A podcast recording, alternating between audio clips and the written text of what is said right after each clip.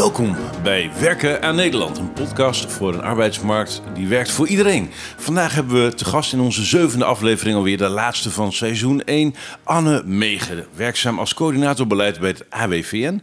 En we zijn hier uh, samen met Roos Wouters uh, als co-host en mijn naam is Martijn Aslander. Anne, wat fijn dat je er bent. Ik geef het woord gelijk aan Roos, want die heeft vast van alles bedacht. En we gaan een mooi, uh, mooi gesprek hebben vanochtend. Ik heb er zin in. Zeker. Uh, dankjewel Martijn. Welkom Anne. Ik uh, ben heel blij dat je er bent. Um, ook omdat jij toch wel um, een soort van de, de frisse, vrouwelijke, rustige en toch ja, ergens toch pittige vrouw ben in de polder. Die wat mij betreft weer een beetje... Ja, ik, ik weet nog heel goed dat ik je in Pakhuis de Zwijger ontmoette... en dat ik dacht, hé, hey, dit is eventjes een heel ander verhaal. Hoe is het voor jou om in dit polderlandschap... waar toch tot voor kort in elk geval voornamelijk grijze oudere heren uh, de dienst uitmaakten? Nou, ik zit helemaal te blozen hier. uh, nou, ik hier nou op antwoorden? Ja. Uh, hoe is dat? Nou ja, ik kwam natuurlijk uh, ongeveer tien jaar geleden in die polder en zag hetzelfde. Hè? Veel oudere heren, veel pakken, heel serieuze gezichten. Ja. Ehm, ik vond dat ook meteen wel heel interessant. Ehm, hoe werkt dat dan precies in Nederland? Hoe werkt die polder? Ik ben een uh, vrouw uit Maastricht. Uh, voor mij was Den Haag heel ver weg toen ik daar voor het eerst begon. Dus ik vond het een hele interessante wereld. Maar ik dacht ook wel meteen, hier mag wel wat meer kleur bij. Ja. Um, en nou ja, dat heb ik letterlijk geprobeerd door wat kleurrijke kleding aan te doen. Maar dat terzijde. ja, ik, ik had ook wel het gevoel van er moet af en toe wel wat tegen het systeem geschopt worden. Of kritische vragen worden gesteld. En ik denk dat ik dat nog steeds wel probeer te doen. Zeker. Ik, ik, eh, daarom heb ik jou ook meteen dat ik dacht, ik ben fan. Um, maar hoe is het nou na tien jaar? Um, heb ja. Het, ja. Heb je het idee dat het een beetje is opgeschoten of gaat het te langzaam? Of wat, wat is je algemene gevoel daarbij? Ik vind het. Uh, ik, er is wel. Uh, de deuren zijn wel open. De ramen staan wel open in de polder. Uh, dat vind ik heel goed om te zien. Dus waar tien jaar geleden de neiging nog wel heel erg was om nou, met elkaar, de traditionele partijen. Te onderhandelen en tot een advies te komen of tot een akkoord te komen, zie je nu wel dat er steeds meer ruimte is voor andere partijen, maar ook gewoon voor individuen om eens mee te praten en mee te doen. Waar merk je dat uit bijvoorbeeld? Nou, je merkt het aan uh, dat, die, dat een organisatie als de CER zelf, hè, waar ik ooit begonnen ben, dus uh, ik, uh, ik heb het van dichtbij zien gebeuren, maar dat een organisatie als de CER um, nou ja, meer partijen toelaat, een jongerenplatform heeft opgericht, dialoogbijeenkomsten organiseert. Ik weet nog bij die eerste dialoogbijeenkomsten dat dat heel ongemakkelijk en, en was, hè, want bij de CER heb je de traditionele indeling, werkgevers zitten aan één kant, werknemers aan één kant en kroonleden aan de andere kant. En toen was er zo'n dialoogsessie. Nou, toen stonden er al ronde tafels. Dat was wel heel verwarrend. Ja, laat je die luiden. Ja, maar, en, en, en vervolgens waren er ook mensen die zich niet werkgevers, niet werknemers voelden. Dus waar moesten die dan gaan zitten? Dus dat, het ongemak was toen heel groot. Nou, daar is iedereen nu al overheen. Uh, dus, dus daaraan zie je het. Maar wat ik ook wel heel mooi vind om te zien, is dat, um, nou, misschien ook wel mede dankzij social media bijvoorbeeld, mensen veel meer hun geluiden kunnen laten horen. En dat een minister als minister Koolmees in elk geval daar ook gewoon wel naar luistert. Dus er is eigenlijk in de polder een klein stukje bij uh, ingepolderd, zeg maar.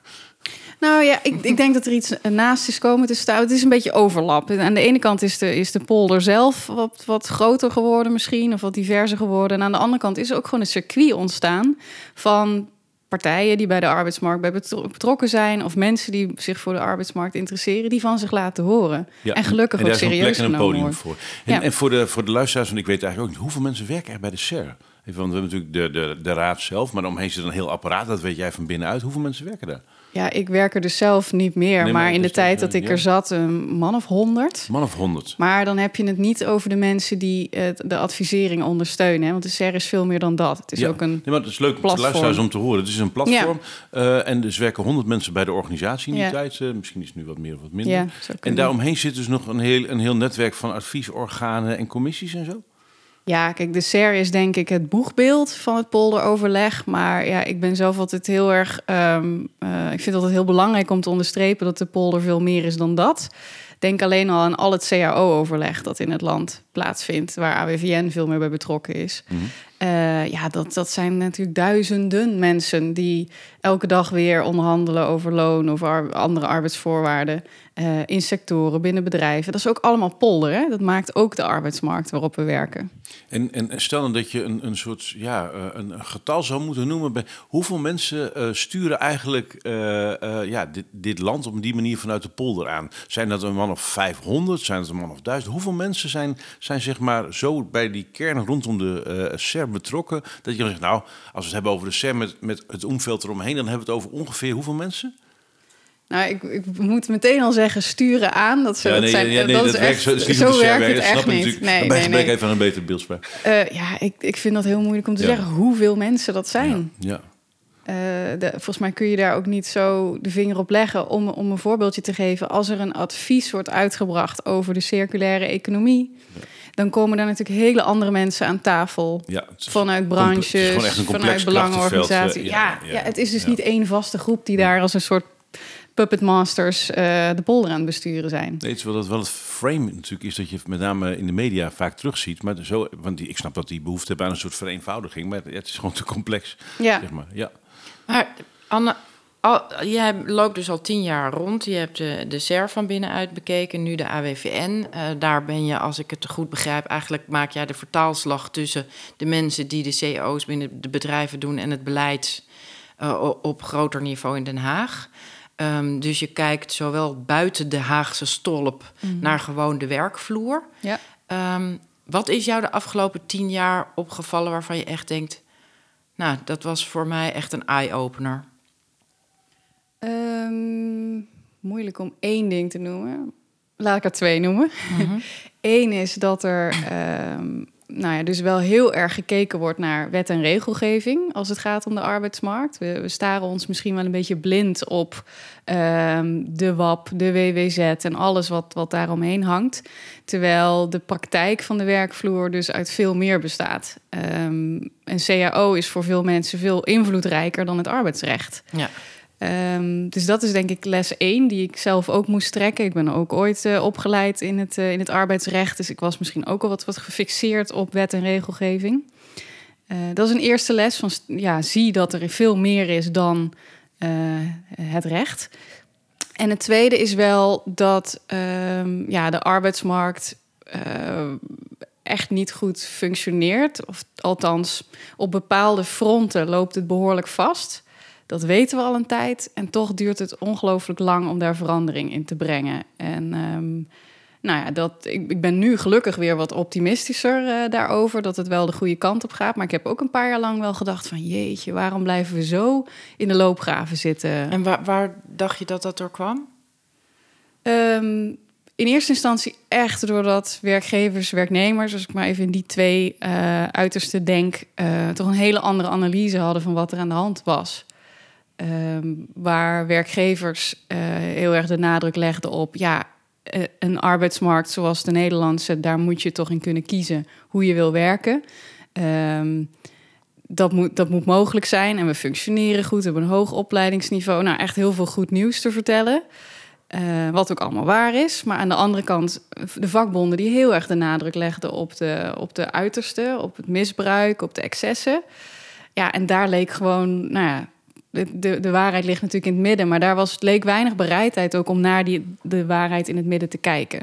Uh, dat heeft me wel verbaasd. Hè. De, nou ja, gewoon heel lang blijven hangen in je eigen verhaal. Ja. Nou, en daarom ben ik nu wel weer optimistischer, omdat ja, die, de partijen wel echt veel meer naar elkaar toe zijn uh, bewogen. En, en, hoe is dat gekomen, dat ze, dat ze toch zijn gaan bewegen? Is wat is daar gebeurd? Is het de tijdgeest of een langzame gewenning of een wederzijds be, uh, besef dat je het zo niet opgelost krijgt? Wat, enig idee waardoor die uh, wind anders is gaan waaien? Um, nou, ik denk dat er wel een paar sleutelmomenten zijn geweest of, of sleutelgebeurtenissen. Um, de commissie Borstlab natuurlijk. Juist door het, door het hele vraagstuk van de arbeidsmarkt te depolitiseren. Door er eens een andere groep mensen naar te laten kijken, uh, kwam er weer meer lucht, meer ruimte voor analyse. Wat is er echt aan de hand? En daar bleek een analyse uit te komen waar eigenlijk de elementen van wat werkgevers altijd zeiden en wat vakbonden altijd zeiden, ja, dat, die zaten er allemaal in. Dus dat, was, uh, dat heeft denk ik overbruggend gewerkt. Maar ook in, in alle bescheidenheid denk ik dat een partij als AWVN... die al heel lang heeft geroepen... ja, er zitten ook rafelranden aan de arbeidsmarkt als het gaat om flex. Uh, het systeem dat alles gericht is op het vaste contract is achterhaald. Um, ja, dat soort geluiden, die niet alleen AWVN heeft gebracht hoor. Er zijn meer uh, partijen en personen die dat hebben geroepen. Dat heeft ook geholpen. Daarmee wordt het salon veeg. Terwijl in 2014, toen we dat riepen, um, werden we echt nog wel door links, rechts, werknemers, werkgevers heel bekritisch, uh, is een understatement, maar we werden echt wel heel kritisch bekeken. Um, zag je wel dat er iets gebeurde van ja, maar als, als, als zij dat roepen, dan moeten we er toch eens serieus naar kijken. Ja. Dus dat is ook wel, ja, dat vind ik ook wel een pleidooi voor mensen die uh, zich misschien niet helemaal onderdeel van die polder voelen of, of überhaupt de behoefte hebben om een eigen visie te geven, blijven doen. Want je denkt misschien, het heeft te weinig impact, maar het heeft zeker wel impact. Alleen dat is wel polderland Nederland. Het effect ja. is pas veel later zichtbaar. We hadden even eh, nee, we hadden Tom Wildhagen hier te gast een paar edities geleden en die had het over de, we moeten eigenlijk uh, het is mooi dat er nu een soort akkoord ligt, maar eigenlijk moet je dat niet als een eindpunt zien, maar het uh, vertrekpunt. Dus wat als je zeg maar op een soort consortiumachtige manier uh, aan de bak gaat, zoals ze in het cluster rondom Eindhoven ook hebben, waarbij je met open source en met, met open innovatie met elkaar aan de bak gaat en dat je meer partijen betrekt, zeg maar, in, in de uitwerking van dat akkoord. hoe zie jij dat? Uh, ik denk dat uh, uh, sowieso zijn, zijn uitspraak dat het het vertrekpunt is en niet het eindpunt, vind ik heel mooi. Misschien om een iets andere reden, omdat ik denk dat het, als het gaat om de hervormingen die nodig zijn op de arbeidsmarkt, dan zijn we er met dit SER-advies nog niet. Hè. Dat, nee. Het is wel.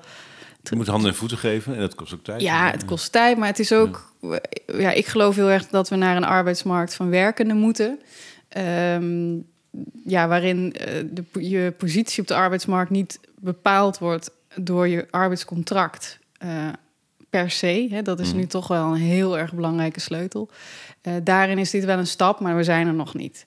Dus in die zin is het sowieso een vertrekpunt en niet het eindpunt. En dan het punt van, van Tom Wildhagen. Um, ik ben ook wel heel erg voorstander van experimenteerruimte op bepaalde onderdelen van, van het arbeidsmarktbeleid. Ja. Gewoonweg omdat we niet goed weten wat werkt en wat niet. Ja. Denk aan uh, alles op het gebied van van werk naar werk, leren en ontwikkelen, de, de dienstverlening op de arbeidsmarkt. Dus voor mensen die werk zoeken bijvoorbeeld. Daar uh, kun je wel een heel, heel grote systeemwijziging doorvoeren. Maar waarschijnlijk. trial and error zijn. Ja. Uh, en er moet ruimte zijn voor errors dat je snel kan bijsturen. En dat kan natuurlijk nu ja, niet. Ja, en het is ook. Um, we hebben dat met de decentralisatie gezien. Het heeft zo'n giga-impact op het hele land als je zo'n enorm systeem uh, verandert. Keer, ja. Zonder en te weten dan, wat de uitkomst is. Ja, en als je dan halverwege eigenlijk moet vaststellen van... Hmm, werkt toch niet zo lekker uit, ja, dan kun je niet meer terug. Nee. Ja. Dus zeker als het om dat soort dingen gaat als dienstverlening, infrastructuur, uh, daar waar scholen, opleiders, uh, werkgevers, werknemers, vakbonden ook bij elkaar komen, ja, experimenteer en doe dat dan ook op een manier dat je het echt goed kan vergelijken. Van helpt deze interventie nou of niet? Ja doe dat dan eerst voordat je een helemaal uh, tekentafel daar, ready want wij hebben als werkvereniging pleiten uh, we hebben de, uh, onze toekomstvisie neergezet en daarin zeggen we van nou weet je we, laten we met elkaar de doelen gaan bespreken en, en laten we daarbij inderdaad de werkenden zoals jij zegt centraal stellen en niet het systeem waarvan we vertrekken, maar gewoon wat hebben mensen nu nodig op een arbeidsmarkt om zo lang mogelijk, zo gezond mogelijk, zo gelukkig mogelijk met elkaar te kunnen samenwerken. Um, en, en laten we daarin gaan experimenteren. Maar waar, weet je, ja, wij kloppen overal aan en we vinden tot nu toe um, dat er instemmend geknikt wordt. Maar ja, waar begin je dan? Heb jij daar een idee? Want ik was wel verbaasd over hoe de, nou ja, de AWVN toch meerdere dingen op deze, in, in deze discussie gooit. Die behoorlijk wat uh, golven teweeg hebben gebracht. Dat ik denk, ja, zijn jullie daar niet eigenlijk de uitgelezen persoon in om dit soort dingen te gaan oppakken? En wat bedoel je dan? Waarmee zou je dan mee willen experimenteren? Nou, wat je net zegt. Ik bedoel, hoe, hoe gaan we een leven lang leren? Hoe gaan Mhm. we kijken hoe we de transitie van werk naar werk doen? Hoe kan je zorgen dat je bijvoorbeeld over sectoren heen... want nu hebben we het opleiden, wordt, is een verantwoordelijkheid van de werkgever... die dat weer in, in de sector eh, ja, en zodoende blijf je eigenlijk vastzitten in de sector... voordat een sector in jou gaat investeren om Mhm. naar een andere sector te gaan. Wel even verder, ja. En, Ja. en ik kan mij, meen mij te herinneren eh, dat jullie ook een tijdje geleden toen een advies schreven van dat jullie zeiden ja, inmiddels is de het opleidingsbereidheid van werkgevers zo laag geworden dat we inmiddels eh, eh, achter gaan lopen in een kenniseconomie die wij zijn, in het investeren in kennis in onze beroepsbevolking. En het zijn niet jouw medewerkers of mijn medewerkers, het zijn onze nou, ja, medewerkers. Dus moeten we daar niet gewoon als met z'n allen in gaan investeren? En ik weet toen dat dat vanuit nou, de werkgevers die dachten: Hè, eh, wat is dit nou weer? Worden we nu. ge- eh, nou ja, eigenlijk ge- wordt er gepleit vanuit de AWVN dat we de werknemers van de die misschien straks naar de concurrent gaan gaan opleiden. Dus ik weet dat daar een hele hoop nou ja, weerstand op kwam. Terwijl ik dacht, wauw, jullie kijken gewoon naar, het, nou ja, naar de arbeidsmarkt en het investeren in je beroepsbevolking en niet in een wij-zij. Dus dat vond ik toen een hele nou ja, verademing. Eh, en dat ik dacht, ja, zijn jullie niet degene die elke keer die brug weten te vinden, doordat jullie zowel nou ja, de mensen op de werkvloer begeleiden bij het maken van de cao's die in de praktijk. En tegelijkertijd met Den Haag sparren over nou ja, de, de, de, de beleidsbeslissingen. Ja. Ehm, nou, een paar dingen schieten door mijn hoofd. Eerste wat je zegt over ehm, eh, eh, het, het, het zorgen dat opleiden niet alleen maar gericht is op mensen binnen je bedrijf of organisatie. Hè, dat het scope ook wat breder wordt. Nou, dat is nou een van de dingen waar ik ook optimistisch over ben. Dat was tien jaar geleden echt nog een discussie. Ik ga niet investeren in een medewerker die straks weer weg is. Ja. Nu hoor je dat bijna nooit meer bij, bij werkgevers. Het is eerder zo dat er behoorlijk veel budgetten beschikbaar zijn, maar dat er miljarden op de plank blijven liggen, zoals het er nu naar uitziet. Eh, we hebben dat laatst nog eh, onderzocht. Die persoonlijke ontwikkelbudgetten wordt dat dan genoemd. Hè? Eh, die worden in heel veel cao's afgesproken, maar medewerkers maken er geen gebruik nee, van. Nee, ik had net de vakbond en ING bij elkaar op dit punt. Die zeiden Ja. ook van, ja, we, hadden 0,1% of zo afgesproken ergens voor. En dus ze kregen het gewoon niet op. Gewoon, Ja. was gewoon geen, ze, kregen, gewoon- ze, ze hadden geen idee hoe ze dat bij die medewerkers in de buurt moesten krijgen. Ja, dus, dus we zijn nu eigenlijk aan de volgende stap toe. Eerst dachten we misschien wel een beetje naïef. Nou, als er maar geld is, dan gebeurt het wel. Nu is de volgende stap zorgen dat mensen ook weten waar ze het aan moeten besteden of kunnen besteden. Eh, dat ze er tijd voor hebben, ook simpelweg. Ehm, nou, en zo wat meer van die randvoorwaarden om het te kunnen besteden. En daar zijn we nu dan weer heel erg mee bezig. En dan kom je een beetje bij wat is dan de rol van AWVN? Nou, om dat tussen de oren te krijgen bij werkgevers en ook bij vakbonden. Eh, zorg nou dat dit ook bespreekbaar is eh, op de werkvloer. Eh, hoe je die budget, dat er die budgetten er zijn, maar ook ehm, dat je ze kan gebruiken en dat ze ook voor alle mensen in je organisatie beschikbaar zijn. Dus dat is het gesprek dat we nu voeren. En daarnaast zie ik ons ook wel als een aanjager als het gaat om vernieuwende initiatieven. Dus denk aan eh, het skillspaspoort. Ehm, daar hebben we samen met een aantal van onze leden op Schiphol een eerste concept ontwikkeld. Hoe zou dat nou kunnen werken? Nou, het is ook maar een instrument, maar wel met het idee dat kan ook weer helpen om die leerculturen van de grond te krijgen. Eh, we doen mee in projecten rondom duurzame inzetbaarheid bij heel veel bedrijven, ook in het MKB bijvoorbeeld, waar dit nog echt nog niet is geland. eh, hoe dat dan allemaal in zijn werk gaat, het leren en ontwikkelen. Daar zitten we ook gewoon aan tafel, helpen we mee. Dus het is eh, misschien een druppel op een gloeiende plaat. Hè, want de AWVN is ook maar één van de partijen die iets probeert te doen. Met hoeveel zijn maar we doen het wel. Eh, nou, onze organisatie bestaat ook uit zo'n 150 mensen. Ehm, waarvan een groot deel dus adviseur is, betrokken bij CO-onderhandelingen. Ja. Ja. Maar doordat je dan op dat niveau eigenlijk heel erg gewoon eh, tussen de werkgevers en de werknemers instaat. Eh, want kijk, V- VNO-NCW weet je gewoon, ja, die gaat voor het belang. Die staat aan de ene kant in de loopgraven, zal ik maar zeggen. Eh, en de vakbond aan de andere kant. En ik heb toch altijd wel het idee dat jullie daar ergens nou ja, de, de common ground in zoeken. daarom vroeg ik van ja, is, zijn jullie niet degene die bijvoorbeeld gemakkelijker deze twee partijen kan bewegen om van dit soort experimenten uh, te gaan, nou ja, daar ja op te zeggen? Nou ja, we worden ook wel eens het oliemannetje genoemd. Hè? Uh, tussen tussen onderneming, zeg ik dan even heel nadrukkelijk, en uh, de vakbonden. Mhm. En waarom onderneming? Omdat wij met name uh, HR-managers, uh, medewerkers, directeuren in ons netwerk hebben. Dus die vertegenwoordigen echt de sociale kant van een onderneming of van een organisatie. En inderdaad, dat, dan heb je toch net een wat ander, leg je een wat ander accent dan als je vanuit ondernemingsperspectief kijkt naar het Nederlandse bedrijfsleven. Dus ik ben het wel met je eens dat we af en toe, ja, we, we zitten er soms een beetje tussenin. Uh, en dat geeft ons ook de positie om, om te helpen, om te overbruggen. En ja, ik denk dat we dat aan de CAO-tafel ook heel nadrukkelijk doen. En op centraal niveau is het misschien iets minder zichtbaar, maar doen we dat ook wel. Ja. Uh, proberen we ook uh, met name eigenlijk ook met praktijk. kennis, ervaringen te laten zien. Kijk, dit is hoe het uitwerkt. of dit is wat er gebeurt als je iets verandert aan beleidstuk X. Ja. Ehm, dat is hoe we proberen om, uh, om de boel uh, in beweging te krijgen. Ja, ik zat namelijk te denken dat consortium van Ton Wildhagen, waar, waarvan wij meteen hebben gezegd dat gaan we beginnen.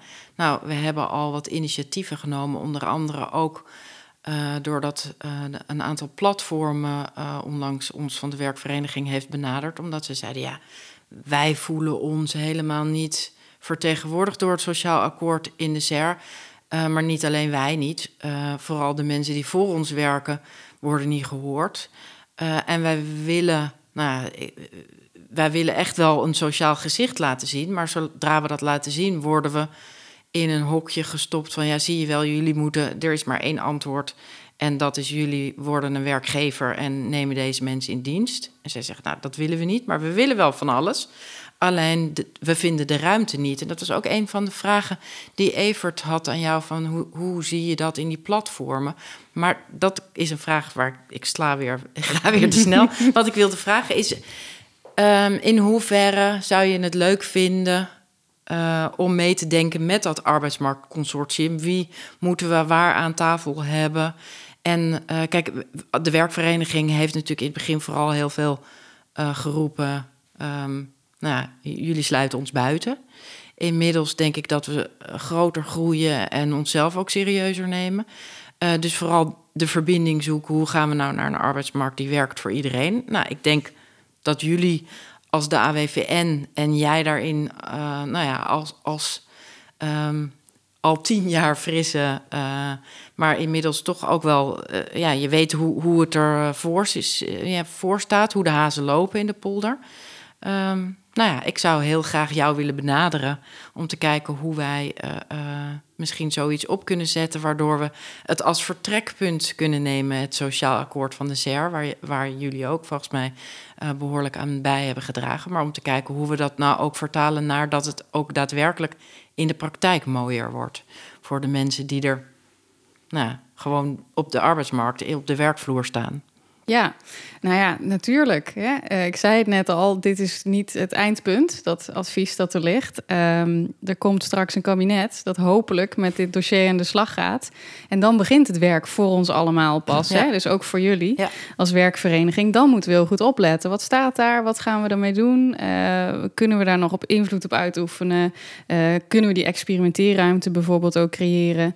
Ja, tuurlijk, daar moeten we het gewoon over blijven hebben. En in mijn uh, optiek wordt het er alleen maar beter van als de praktijk van zich blijft, uh, van zich laten horen.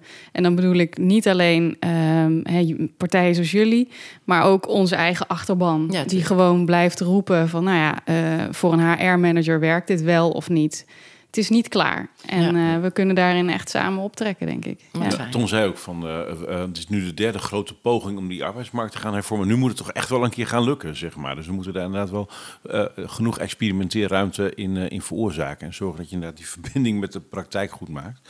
Um, wat al een tijdje door mijn hoofd schiet, ik lag op de website, las ik dat je je bezig houdt ook met de toekomst van werk. Mm. Ik ben heel nieuwsgierig hoe je aan de ene kant naar digitalisering kijkt. Nou, maar ik heb ook wat vragen over kenniswerk. En ik ben even vooral heel nieuwsgierig om te beginnen met uh, hoe heb je naar, naar arbeidsmarktvraagstuk en arbeid gekeken in de, in de context van corona? Want daar is natuurlijk een hele hoop onder druk komen staan en zichtbaar geworden. hoe, hoe, heb je dit, ja, deze coronatijd ervaren vanuit het arbeidsmarktperspectief? Ehm, wauw, dat is een grote vraag. We hebben de tijd, dus het ja. Uh, ja, ik denk zoals. Nou, nee, laat ik beginnen met dat ik het uh, dat ik Nederland bijzonder veerkrachtig vind. Uh, dat er was natuurlijk een enorme crisisstemming, maar als ik nu ook weer kijk hoe snel die economie zich herstelt, de laatste CPB-cijfers wijzen daarop.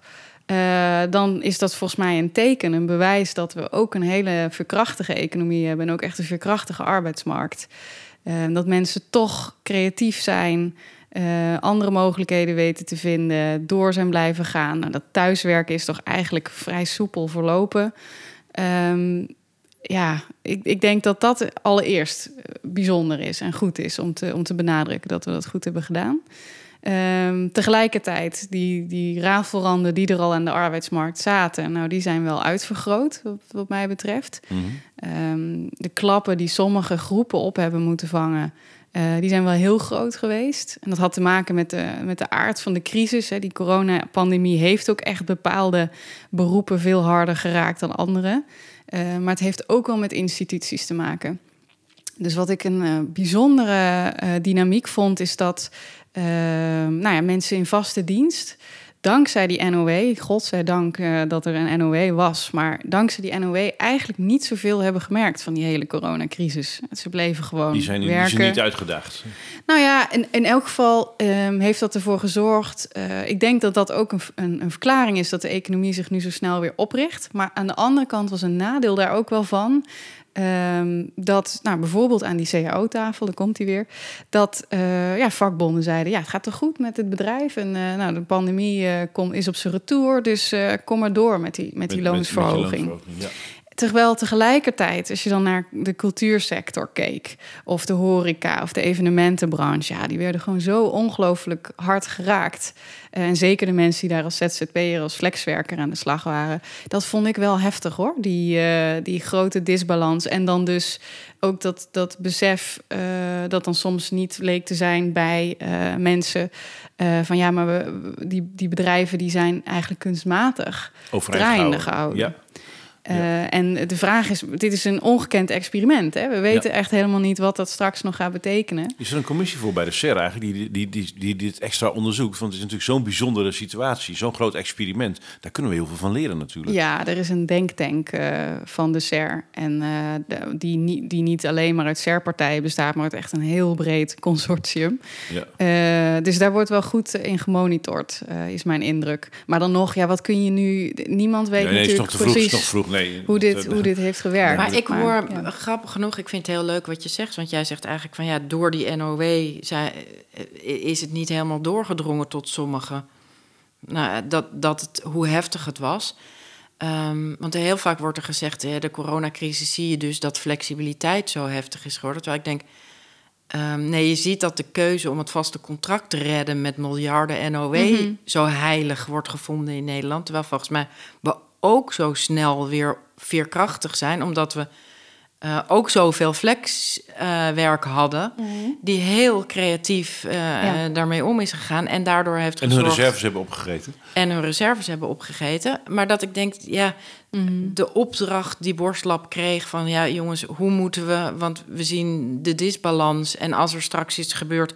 gaat dat een enorme, tot een enorme catastrofe leiden. En het, wat ik het verbazingwekkend vond, terwijl Borstlab zijn rapport had ge, ja, gepresenteerd, kwam die catastrofe. En de keuzes die ze hebben gemaakt, is wat mij betreft het vergroten van de kloof tussen vast en flex. Door de, met de NOW-regeling eigenlijk te zorgen dat je nou, de illusie blijft houden dat een vast contract ook een vaste baan is. Mm -hmm. En dat je daar dus in blijft. Terwijl, nee, dat was de NOW-regeling. Terwijl er de TOZO of de nou ja, de flexwerkers die via uitzend en dat soort dingen, die, die wisten helemaal niet waar ze het zoeken moeten. Dat ik denk, ja, dat is toch een.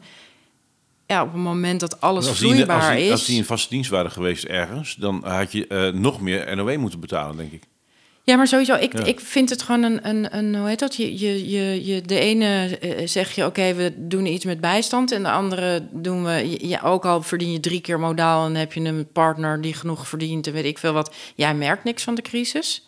Dan denk ik dat, ja, daarmee uh, laat je dus de ene groep hun buffer opeten... die je straks zegt, ja, jullie hebben helemaal geen pensioen, dat, dat hoor je nu... Jullie hebben geen pensioen opgebouwd. Ik denk, nee, die hebben we net opgegeten. Um, daarin vind ik dat de keuze die nou ja, beleidsmatig zijn gemaakt in de crisis. Ik snap natuurlijk dat het allemaal in, in, in een flits uh, moest gebeuren. En, en dat er dus teruggegrepen is naar dingen die we kennen. En tegelijkertijd hebben we dus bestendigd dat wat Borstlap zei, dat we mhm. niet moesten bestendigen. Mm En meestal hoor ik dus van mensen zo, nou, die bij de polder zijn, daarom ben ik blij dat jij dat niet zegt. Van ja, wat mij is opgevallen is dat flex zo flex is. En dat vast zo goed is. En ik hoor jou zeggen van nou, het is eigenlijk te weinig doorgedrongen dat vast zo weinig vast is, maar dat we ervoor hebben gekozen met die NOW om dat uh, ja, te stimuleren. Ik denk dat het uh, de beweegreden vanuit de overheid om op die NOW in te zetten was: het is makkelijk uitvoerbaar en je bereikt er een heel groot deel van de beroepsbevolking mee. Want als, ja. uh, want als je die leiding bijstand terecht waren gekomen en had je het hele apparaat ook weer moeten belasten met alle bijkomende kosten. Ja, dus, dus, het is ook, het is denk dus ik. dat systeem was erom gevallen. Dit was nou ja, dus het lijkt ook nu zo, hè, zoals je het verwoordt, Roos, alsof het een soort principiële keuze is van we gaan vastredden en die flex en ZZP die laten we aan een lot over. Ik denk niet dat dat helemaal is zoals er is gedacht. Het is volgens mhm. mij ook echt eh, praktisch. Ja, ja dat mhm. klinkt heel flauw, maar het is ook, was ook echt vanwege uitvoerbaarheid dat het zo, zo is ingericht.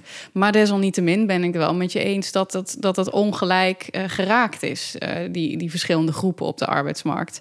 Um, en, en, en ook, ik vind het ook niet helemaal oké, omdat als je, nou, ik ben vorige week gevaccineerd voor het eerst, dan loop je op zo'n vaccinatielocatie rond. Uh, er waren echt 40, 50 uh, mensen aan het werk. Nou, die hebben allemaal een flexcontract. Ja. En dat is prima, want da dat is tijdelijk werk. Het laat juist ook zien van dit is. hier heb je, hier heb je nou echt flexwerk voor nodig. Dus we moeten ook helemaal niet naar een wereld waarin iedereen een vast contract heeft. Dat kan helemaal niet. Dat, is dat functioneert niet. Alleen uh, we moeten wel meer doen om flexwerkers sowieso de kans te geven om door te stromen naar het werk. En wat te ze blijven willen. ontwikkelen. Nou ja, precies. Dus de basis, het fundament moet op orde zijn. En dat is, dat is nu gewoon, uh, dat is niet zo. Nou, daar wil ik even wat leuks bij aanhalen. Heb je al gehoord over dit boek van Kel Newport? Nee. Uh, je, mag het, je mag, ik krijg het cadeau van me. Het nou, is ik denk het beste boek van het hele jaar over de toekomst van werk. En uh, daarin zegt hij een paar rake dingen waarvan ik, uh, die, die ik al vermoedde toen ik een documentaire maakte uh, met Uma Media en de Koninklijke Nederlandse Vereniging voor Informatieprofessionals, de KNVI, over kenniswerk. Uh, want we hebben inmiddels, uh, als ik deze zin uitspreek, we hebben in Nederland 4, 5 miljoen kenniswerkers die kenniswerk doen in een kennissamenleving, in een kenniseconomie. Als het goed is, is niemand van de luisteraars nu aan het fronsen met wat zegt Martijn nou? dus als je dit normaal leest in de krant, denk je helemaal niet dat er wat raars aan de hand is. Tot je de vraag stelt, wat is kenniswerk? Mm -hmm. Nou, dat heb ik gedaan. Daar is een documentaire over, die kun je vinden op watiskenniswerk.nl. En ik heb uh, onder andere Maarten Schuring, de SG van uh, Binnenlandse Zaken. Uh, Saskia Geurts, de oud-HR-directeur van, van het Rijk en directeur van uh, ANO-fonds Meta Electro. een hersenwetenschapper, een jonge arts, Matthijs Bouwman van het FD, Wouter van Noord van NRC. Allemaal mensen hebben we geïnterviewd over wat is eigenlijk kenniswerk en uh, dit, hij kwam uit in november 2019, dus voor corona. Dat, dat gedoe hè, met die computers en die vergaderingen, papier en zo, is dat eigenlijk wel een goed idee? Nou, mm. De conclusie was: nee, we weten eigenlijk niet wat kenniswerk is. Uh, dan weet je dus ook niet hoe je dat precies moet doen, uh, hoe je dat moet uitvoeren, welk werkgereedschap erbij hoort uh, en hoe je het organiseert. Dus ik, ik ben een soort research gaan doen van: goh, is ons werk eigenlijk niet stuk? Want we werken eigenlijk harder dan ooit. We hebben iets van uh, een paar duizend miljard euro uh, geïnvesteerd de afgelopen 40 jaar in IT. En het lijkt erop dat we vooral in de T geïnvesteerd hebben, maar dat we de I vergeten zijn. Hmm. Nou, mijn punt is, uh, en Kel Newport bevestigt dat in het boek. Um, het heet Bevrijd. Het heet Bevrijd. De, de, Engelse titel heet A World Without Email. We zijn met z'n allen in een soort cognitieve overload terechtgekomen. Mm Dus we zijn harder dan ooit aan het werk. Alleen de arbeidsproductiviteit groei die neemt af of die, ja. die vlakt af. En dat is raar.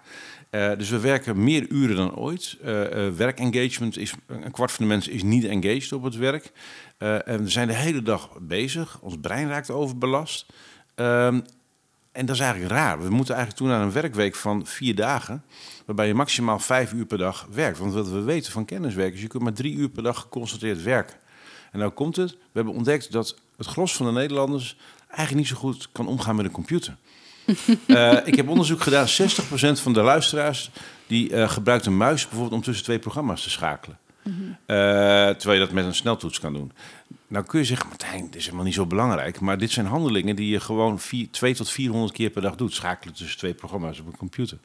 Nou, als je dan op, door die lens gaat kijken naar werk, dan is het heel raar hoe we de boel nu georganiseerd hebben. Dus volgens mij, uh, als we kijken naar de toekomst van werk, moeten we beginnen bij het begin. Dus we, iedereen is bezig met digitale transformatie, digitale trans, uh, uh, digitalisering.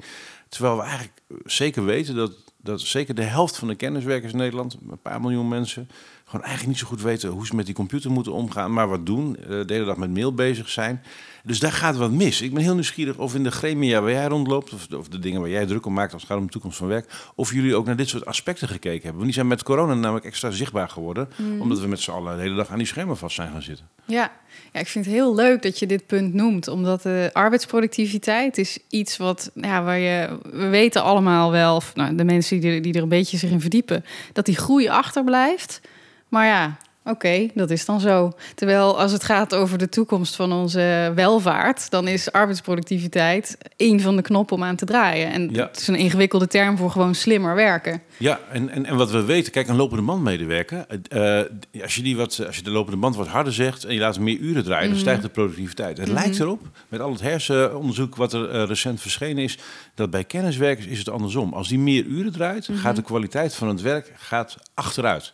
Dus wil je beter kunnen functioneren, moet je eigenlijk minder uren draaien. Nou, als je dat koppelt aan levenslang leren, ontspannen werk-privé-balans, ja, dan ligt daar nog een hele wereld uh, te ja, winnen. Nou, dat ben ik met je eens. Wordt daar binnen de SER ook over gesproken, binnen de AWVN op die manier? Uh, ja, laat ik bij AWVN uh, houden.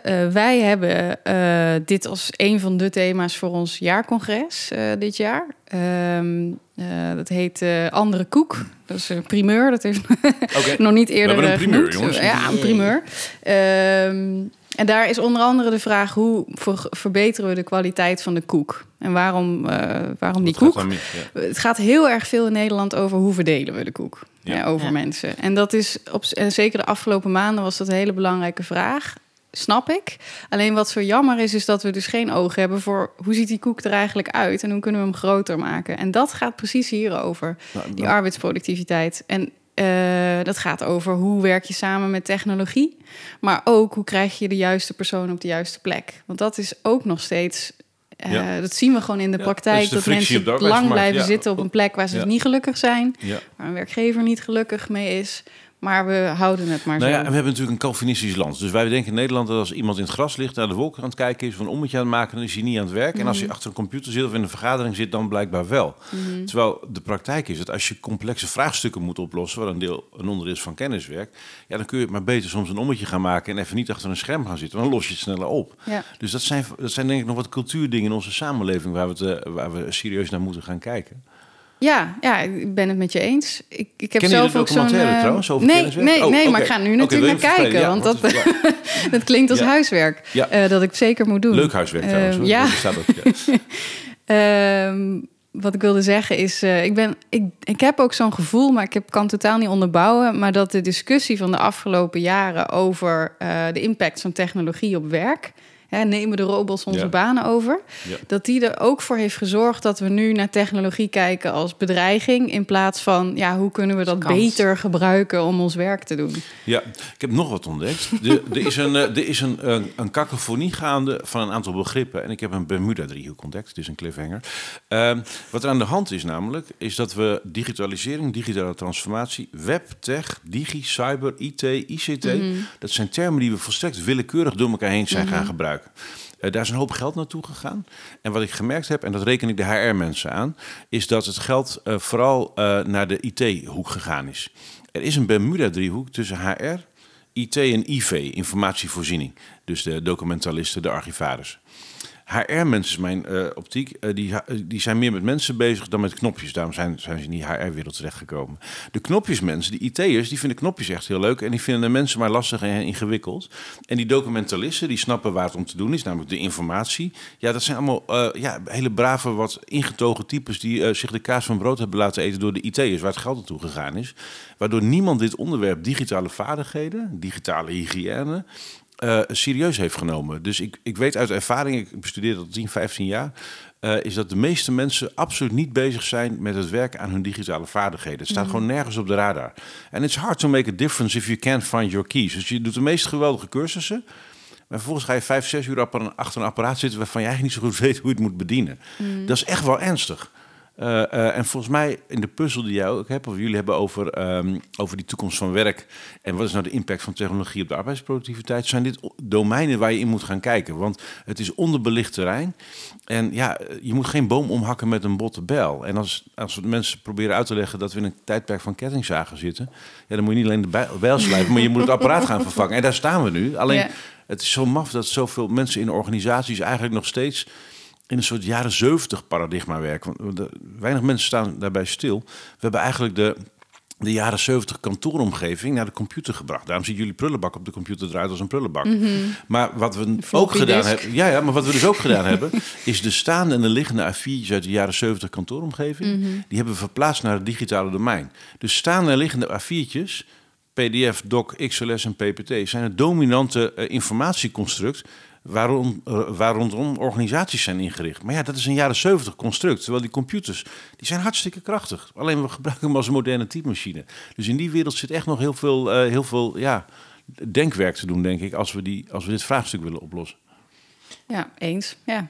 En waar zitten we? De, de, hoe heette het ook weer? De koek? Andere koek. Andere koek. Dus hoe gaan we de koek beter maken? Ja, hoe gaan we de kwaliteit en beter. groter en beter? En ja. dan, dan, gaan we het daarna weer hebben over hoe we hem verdelen. Of ja, tenminste, ik bedoel, daar concentreren we ons nou, nu even op. In elk geval willen we ervoor zorgen dat het niet alleen maar over het verdelen van de koek gaat. Dat is, dat is, uh, dat is zonde. Ja, en we moeten eigenlijk zorgen dat, dat we inderdaad minder uren gaan, gaan werken, maar wel met behoud van het salaris. Want het blijkt gewoon dat als je minder uren draait, we nu bij corona heel veel kunnen experimenteren. De meeste mensen die worden productiever als ze minder uren draaien en niet in die standaard kantooromgeving gezogen worden. Maar daar ben ik, vind ik nog wel interessant, want Nederland heeft uh, de laagste gemiddelde arbeidsduur van de wereld. Hè? Ja. Uh, we werken gewoon, we denken dat we heel veel werken, maar dat valt dus heel erg tegen. Ja. Het is wel heel erg, uh, denk ik, uh, gevarieerd. Dus we kennen allemaal wel de mensen die 70 uur per week achter die computer inderdaad zitten. Ja. Tegelijkertijd zijn er ook heel veel mensen met kleine baantjes. Vorige week was er weer onderzoek waaruit blijkt dat vrouwen bijna de helft van hun inkomen inleveren op het moment dat ze kinderen krijgen, omdat ze teruggaan in, in arbeidsduur. Dus je zegt heel overtuigd van ja, we moeten hè, een, klein, kortere werkweek. Ja. Ik ben daar dus niet zo van overtuigd. Ik denk wel naar het lezen van dit boek. Omdat we, uh, want want uh, de relatie denkwerk en uren die je maakt, even, mm -hmm. een kwart van alle calorieën die je verstookt, verstook je met je brein. De, uh, dus als twee schaken, grootmeesters gaan schaken, verstoken ze net zoveel calorieën als Federer in de finale van Wimbledon. Mm. Dus ons brein kost ongelooflijk veel energie. Als je dan kijkt naar burn-out en werkstress en uitval, dan is die cognitieve belasting veel heftiger. Zeker door al die technologie en al die yeah. notificaties dan dat we doorhebben. Dus uh, ik ben er echt van overtuigd, uh, zeker naar, naar alle research die we gedaan hebben, dat meer uren draaien, dus optisch harder werken met een Calvinistisch mm -hmm. sausje contraproductief uh, wer, uh, werkt. Omdat we dat in een fabriek heeft dat wel zin als je met je handen werkt of met je lijf. Maar als je met je hoofd voornamelijk werkt, en dat doen de meesten, dan lijkt alle bewijs te, uh, in de richting te wijzen van minder uren draaien zorgt in elke ja, optiek voor, voor, dat, dat, voor meer output. Dan zeg je dat elk uur dat je meer werkt ook cognitief werk zou moeten zijn. Terwijl ehm, ik zie het iets anders. Mag ik een voorbeeldje ja? Ja, geven daarbij? Wij hadden op een gegeven moment een project uh, bij AWVN om uh, aan jobcarving te doen. Ja. Dus om te zorgen dat eenvoudige taken uh, gebundeld werden tot een nieuwe baan voor iemand met een afstand tot de arbeidsmarkt. En ja. in dit geval was het een doelgroep van mensen die in het autisme spectrum ja. zaten. En de, het idee was: we kijken naar het werk van secretaresses en halen daar het repetitieve werk uit. Ja, en dat, dat laten we doen door die jongeren met autisme. Ja. Um, en dat was onder andere het kopieerwerk. Nou, niets geestdodender dan kopiëren, zou je denken. Tenzij je autist bent. Maar ja, in elk, ja, tenzij je dus heel erg behoefte hebt aan een uh, gestructureerde dag zonder al te veel prikkels. Nou, dat, we gingen dat uh, in de praktijk brengen en dat pakte helemaal niet goed uit. En waar, waar lag het aan? Ja, en dat is dus de crux. Uh, de secretaresses zeiden tegen ons... ik wil helemaal niet dat je dat, uh, dat kopieerwerk van mij afneemt. Want dat is het moment waarop ik, ik één een beetje bijkom. Ja. Hè, even van al dat bellen de hele dag en met die agenda's bezig zijn. En twee, waarop ik even praat met iedereen uit de organisatie... En secretaresses weten niet voor niets het meeste van wat er in een organisatie leeft. Dat doen ze op door die Daarmee bouwen ze sociaal kapitaal. Ja, ja, dus dat is helemaal geen cognitief werk, maar cruciaal voor het functioneren van een secretaresse. Ja, ik, ik heb uh, nee, jarenlang maar, als... Dit zijn, we, dit zijn we hartstikke eens, maar mijn punt is meer uren draaien. Ik heb het niet over die kleine... Maar Martijn, ik ga, ik ga je helpen. Ik ga je helpen. Ik heb heel veel uh, advieswerk gedaan. Een van de dingen uh, waarover dat ging was uh, mensen die burn-out raken, dus werk-privé-balans. dan werd ik gebeld, wat gaan we doen? En dan kwam ik er heel vaak achter dat deze mensen... Um, vroeg ik van wanneer heb jij de best werkgerelateerde ideeën? En dan liet ik het een tijdje stil zijn en zeiden ze... nou, eigenlijk tijdens het wandelen, op het toilet, um, douchen... Um, hardlopen. ik zei dus eigenlijk overal behalve op kantoor. Um, en ik denk dat dat is wat jij bedoelt. Op het moment dat je um, dus eigenlijk overal bent. Je bent eigenlijk als je kenniswerk doet, voortdurend met je werk bezig. Ons brein doet ook niet aan werk privé. Nee. Je denkt op je werk aan thuis en omgekeerd. Ja, nee, maar ik bedoel, wat, wat je doet is dus gewoon aan je werk denken. En juist als je niet aan je werk denkt, dan komen de beste ideeën tot je. Die je vervolgens weer achter een computer uh, gaat zitten uitwerken als je uh, achter een computer werkt. Op het, op het moment dus dat je. Dan vraag ik heel vaak mensen: wat doen jullie als je bijvoorbeeld uit je workflow bent? Je hebt een heel goed stuk geschreven of je hebt een heel goede. En, en je, je denkt, nou, nu heb ik het af. Wat ga je dan doen? Nou, ga ik eventjes een wandelingetje maken, koffie halen en uh, een praatje maken. Toen dus uiteindelijk ga je andere mensen van hun werk afhouden. Ja, dat is eigenlijk wel zo. Zei, wanneer, waar ga je naartoe als je het beste resultaat wil bereiken nadat je een goed idee hebt? Nou, dan wilden ze eigenlijk overal werken behalve op kantoor, want dan konden ze even rustig werken. Nou, waarschijnlijk heeft wat ik nu zie, is dat de coronacrisis heeft aangetoond dat mensen uh, als ze acht uur per dag achter een computer thuis zitten, dat ze daar niet per se gelukkiger van worden. Maar wel dat ze hebben gemerkt hoe vreselijk veel productiever ze zijn in kortere tijd. Alleen ja, als je dan blijft zitten en niet naar buiten gaat door je schuldgevoel, omdat je denkt, de, ja, ik heb een, dit is een werkdag, dus ik kan niet even gaan wandelen. Um, ja, dat ze zichzelf overprikkelen. Um, dus op een gegeven moment, ja, ik heb toen het nieuwe werken uh, geprobeerd te verkopen. En uiteindelijk is dat vaak uh, vertaald nieuw, naar. Het het nieuwe werkplekken. Geworden. Nou, het, het, is nieuwe bezuinigen. Dus iedereen dus krijgt een flexplek. Maar, geweest. maar wat, wat, wat het idee was van bijvoorbeeld een kantoortuin, is dat je naar kantoor komt juist om met elkaar te brainstormen, om al die ideeën met elkaar uit te wisselen. En dat je daar dus eigenlijk lawaai maakt en met elkaar samenwerkt en geconcentreerd werk thuis gaat doen. Dan gaan we op een kantoortuin proberen heel geconcentreerd te werken. Ja, en dat, daarvoor is het natuurlijk niet bedoeld. En ik denk dat dat, dat is wat Martijn probeert te zeggen. Je bent eigenlijk vol continu kenniswerk aan het doen. Je kan niet onder de douche zeggen, nu ben ik vrij, dus ik denk niet aan mijn werk. Ja. Uh, maar als je te vrije loop laat, dan dan raak je veel sneller in een flow dan dat je achter je computer blijft proberen. Ik moet een goed idee Maar dat is denk ik ook de sleutel uh, in, in, in dit hele vraagstuk. Dat we moeten goed kijken naar hoe kunnen we het werk zo inrichten dat het uh, dat je productief bent. Maar dat betekent dus ook af en toe een moment om niet achter dat scherm te zitten. Nou, Waarschijnlijk nou, vooral heel veel momenten niet achter het nou scherm. Ja, Want precies, moment dat wij, wat, wat we weten is dat je kunt, uh, als je digitale vaardigheden aanleert, kun je al gauw 200 uur per jaar terugwinnen. Mm Dus tijd die je niet moet stoppen en nog meer achter dat ding zitten. Mm -hmm. Maar je kunt gewoon 200 uur per jaar terugwinnen met wel leren hoe die dingen werken. Uh, daarnaast zijn we 260 uur per jaar bezig met, uh, met zoeken.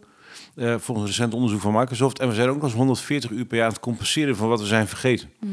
Dus we hebben eigenlijk nooit, dit, dit, raakt allemaal aan dat we eigenlijk niet zo goed weten wat kenniswerk is en hoe je dat moet doen. Mhm. Dus daar ligt nog een enorm terrein te winnen, doordat we dieper moeten gaan nadenken over hoe doe je eigenlijk kenniswerk? En, en, en, als Pieter Drucker heeft vlak voor zijn dood, hij heeft het woord bedacht, kenniswerk, uh, uh, heeft hij uh, gezegd van joh, als het gaat om kenniswerk zitten we eigenlijk in 1900. We hebben de radicale experimenten die tussen twee, 1906 en 1913 gedaan zijn in bij die opkomst van die auto-industrie, die hebben we verzuimd te doen in de wereld van kenniswerk.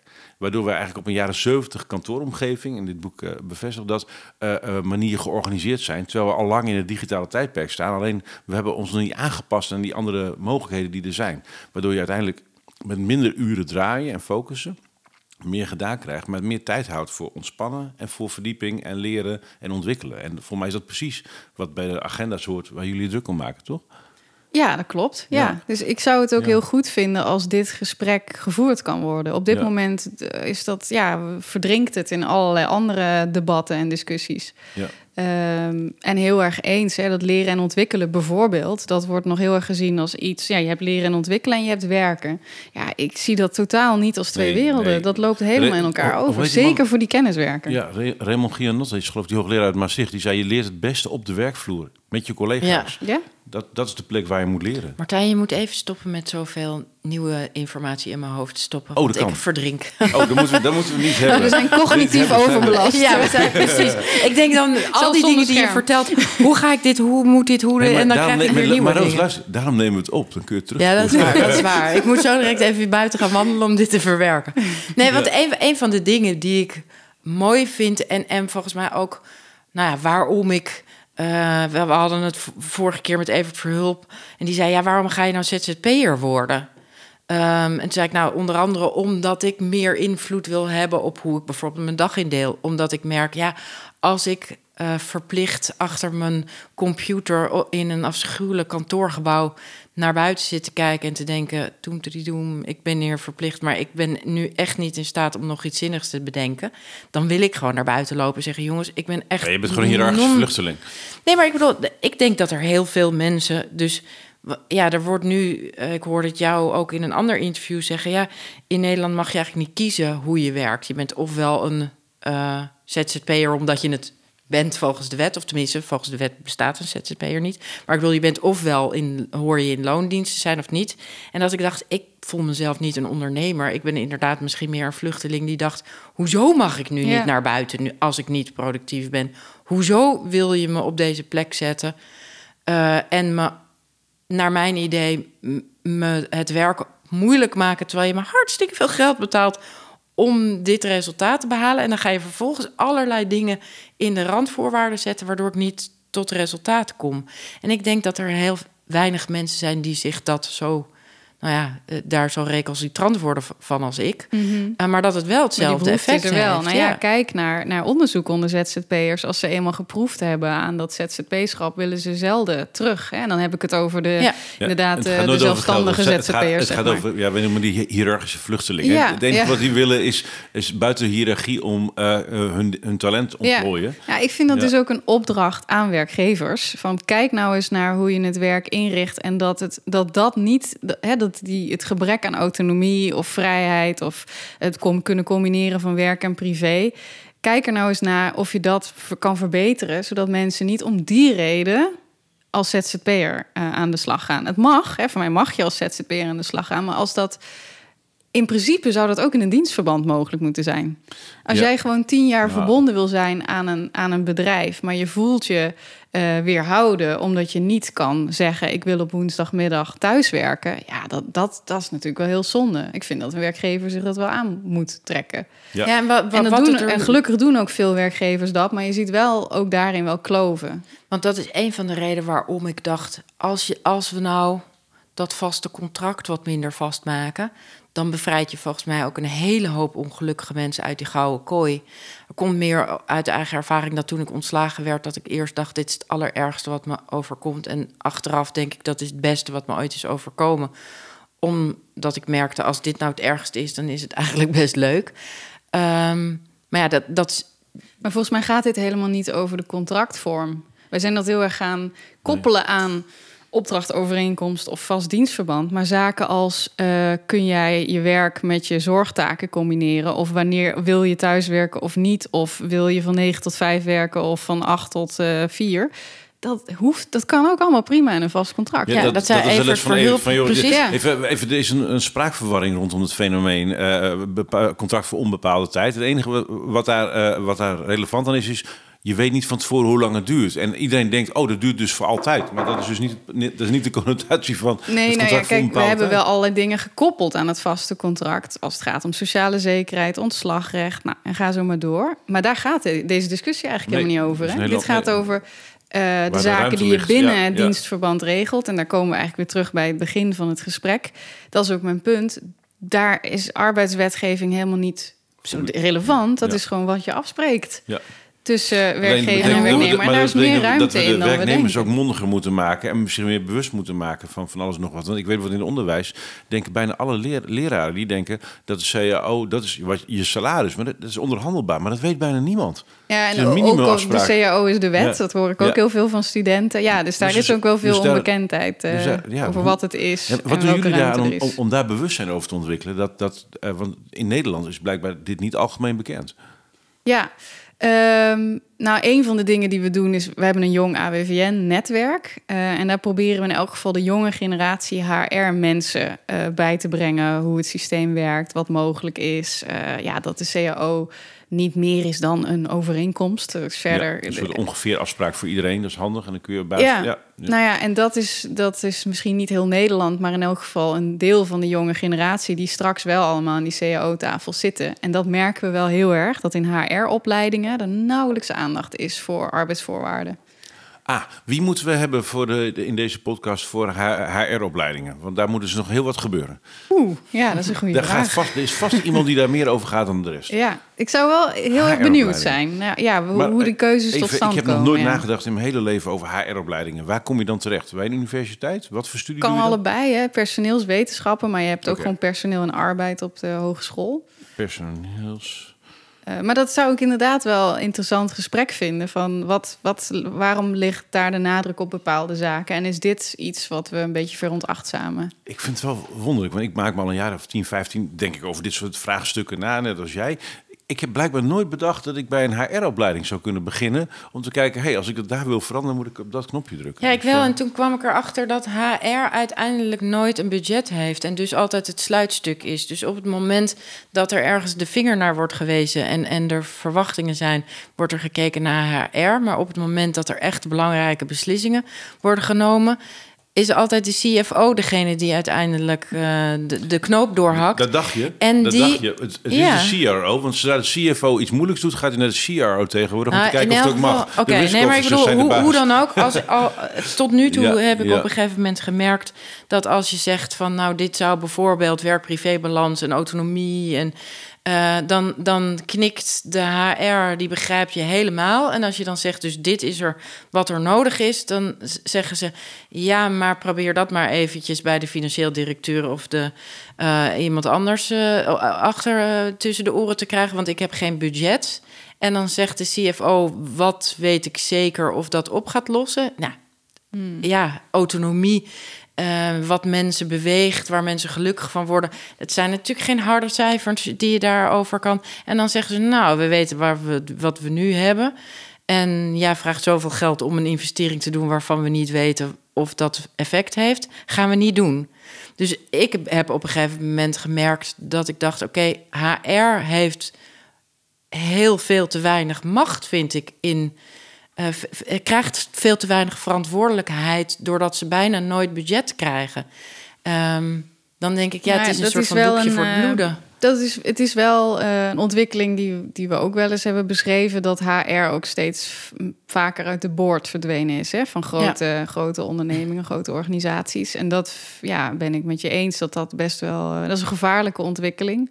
Uh, omdat, nou ja, waar we het straks over hadden, hè, al die mooie innovatieve ideeën die er binnen bedrijven zijn. En we moeten ondernemen, het moet anders. Ja, dat gaat alleen maar lukken in een kennisland als Nederland met de mensen. Ja. Dus je zal dat deel er altijd bij moeten betrekken. Ehm, het is denk ik wel een wisselwerking. Dus van de ene kant wordt HR, denk ik, te uh, klein gemaakt of te onbelangrijk gemaakt. Maar van de andere kant zijn HR-mensen misschien ook wel, in elk geval een deel daarvan, uh, wel heel erg met uitvoering bezig. Ja. Dus dit vraagt ook om strategisch denken, hè, om de bedrijfsstrategie om te zetten in een HR-strategie. Ja. ja, en dat uh, nou, snap ik in de drukte van alle dag. Uh, is dat ingewikkeld, maar toch zou het goed zijn als daar ook meer aandacht voor is binnen HR. Want zo krijg je ook positie. Ja. ja. Um, ja. Ik zag ook nog op de website van de VN uh, dat je bezig bent uh, en aanspreekbaar bent op het fenomeen platformeconomie. Uh, ik ben heel benieuwd hoe je in, in, in, in die zin ook in, in coronatijd gekeken hebt naar de opkomst van en de dynamiek rondom allemaal platformbedrijven. ik woon in Haarlem en de, aantal bezorgdiensten is ontploft ongeveer. Um, ik, ik, had laatst eentje aan, die heette Gorilla's. Uh, en, en, die, en die gebruik je dus niet voor je dagelijkse boodschappen, maar je staat te koken en je mist een ingrediënt. Je hebt een kleine, je kunt de deur niet uit. Je denkt, maar ik heb nu echt paprika nodig. Dan komt er iemand een paprika brengen en dan betaal je dan wel voor. Maar en toen vroeg ik, hey, uh, zijn ze lief voor jullie? Toen zei ze, ja, nee, we worden en heel goed betaald. De sfeer is goed. We worden echt heel goed betaald. En de spullen die over zijn, mogen ook nog mee naar huis nemen. ik dacht, hey, dat was voor de eerste een heel positief geluid horen van, van platformbezorgdiensten. Um, hoe kijk jij er op dit moment naar? Naar, naar, naar de dynamiek in de, in de platformwereld? Uh, zeker met ja, wat we rondom corona gezien hebben. Dat is een ja, grote vraag. Weet ik nog even nieuwsgierig naar, naar. Je denkt hierover na, dus je hebt ja, ik kan, kan geen uh, volledige analyse nee, geven, vrees ik. Maar nee, nee. ik heb een beetje een dubbel, dubbel gevoel erbij. Mm. Uh, van de ene kant uh, gaaf hè, dat dat soort initiatieven ontstaan, dat het zo snel kan, dat er ondernemerschap is, dat um, uh, digitalisering dus ook, nou ja, het is toch uh, heel fijn dat het kan dat je binnen een kwartier uh, je boodschappen op de stoep hebt staan. Um, dus dat vind ik van de ene kant te prijzen. Van de andere kant maak ik me ook wel een beetje zorgen om, omdat um, uh, die, die, veel van die mensen die het bezorgwerk doen, zijn studenten. Dus die zijn daar helemaal gelukkig mee. En past ook precies bij die werk-privé-balans waar we het eerder over hadden. Gewoon lekker werken wanneer je wil. Alleen hoe doe je dat nou bij bedrijven, organisaties die in diezelfde markt actief zijn, maar een hele andere historie hebben? dus laat ik het ander speelveld. Uh, nou ja, ja. Dus laat ik het concreet maken. Uh, de supermarkten zitten natuurlijk ook volop in deze markt inmiddels. Ja.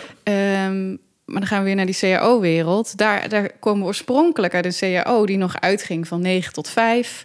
Toeslagen voor in het weekend werken op zondag. Nou, die, die, hele wereld. En dat verhoudt zich natuurlijk helemaal niet goed tot deze 24-uurs-economie. Nee, want we hebben gezien dat alle kleine supermarktjes die zijn, die zijn opgekocht. Er zijn een aantal grote spelers over. Toen kwam er een nieuwe, Picnic. Die dacht, oh, wacht even, maar we hebben helemaal geen winkels. We doen hetzelfde, ja. maar wij doen niet aan winkels. Ja. En toen zag ik in één keer Gorilla, Crisp, er zijn er nog een paar. Ja. Dacht, wacht even, die, die, die doen Picnic, maar dan Picnic Light. Waar gaat dit heen? Hoe nou gaat ja, dit? En, en wat, dus, wat dus denk ik interessant is om te zien, is dat je dan die, die de nieuwe bedrijven, die hebben zeg maar niet tussen aanhalingstekens die ballast, ja. van, van die, die oude CAO, die om de beste redenen tot stand is gekomen. En de, de oude bedrijven, die hebben die ballast tussen aanhalingstekens wel. Uh, en heel logisch dat werknemers daar zeggen, ja, maar ik neem, ik wil niet zomaar mijn toeslagen nee, zien nee, verdwijnen. Nee, heel logisch. maar hoe, ja, als het toch, weet je, het zijn wel het, twee uh, segmenten van de economie die heel erg op elkaar lijken. Dus is het ook niet terecht om daar verschil tussen te gaan maken. Nou, ik vind dat echt ongelooflijk ingewikkeld. Ja. En dat meen ik oprecht. Ik weet gewoon niet goed. Um, uh, het, het zal naar elkaar toe moeten bewegen, maar dan gaat er ergens pijn ontstaan. Ja. Um, en dat is gewoon heel lastig. Nee, maar, maar, maar, wat we gezien hadden, um, is dat bijvoorbeeld, we, zagen, we hebben de Free Shop zien verdwijnen ten gunste van clubs zoals uh, Apple Music en, en, Spotify en zo. Dat is, dat is tot daaraan toe. Alleen die, ik heb het gevoel dat met dit als voorbeeld, uh, afgelopen jaar met die bezorgdiensten, dit is het bewijs dat in die digitaliseringsoperatie die snelheid en die snelle ontwikkelingen in één keer onder je neus plaatsvinden waar je bij staat. En, en ik, ik vrees een beetje voor de rest van de arbeidsmarkt die dit allemaal nog moeten gaan meemaken. Want mm, je kunt erop ja, dus wachten dat, dat, dit gaat je gebeuren. wil ook dus niet dat je de, de wet van de remmende voorsprong, dat die, die, die oude economie, ik zeg nou oud, maar ja. dat die, die bedrijven die we al heel lang kennen, dat die tegengehouden worden doordat het systeem vastgeroest is. Dat wil je niet. Maar je wil ook niet, dat vind ik ook echt. De oude voorverheden nou ja, Dus die waarde eh, en dat mensen fatsoenlijk inkomen verdienen en dat ze ook het recht hebben om af en toe niet te werken en, en dat soort zaken. Ja, wil je niet zomaar afpakken. Nee, nee. nee. maar als ik nu kijk. Uh, want ik vind wel een hele goede ontwikkeling dat er dus. De bel. De bel gaat. Ik heb... Er, zal een, er zal een bezorgdienst zijn. Ja. had, je taart, had je taart besteld voor de afsluiting van het seizoen? Nee, ik ben degene die in deze straat weet... de postbezorger heel vaak thuis werkt. Dus ik word, bij mij wordt er altijd... Ja, precies. Bij mij wordt altijd de pakketjes langsgebracht. Uh, dus dat zou heel goed dit ook kunnen zijn. Um, nee, wat, wat, uh, wat mij opvalt is dat bijvoorbeeld, um, ik, ik ben uh, de afgelopen tijd veel in contact gekomen met platformen. De, onder andere doordat ze reageerden van, ja, onze achterban voelt zich helemaal niet vertegenwoordigd door de SER en door de traditionele polder. Toen dacht ik, ja, dit zijn bij uitstek modern werkende. Uh, de willen van alles, maar um, tegelijk, ja, niet op de traditionele manier.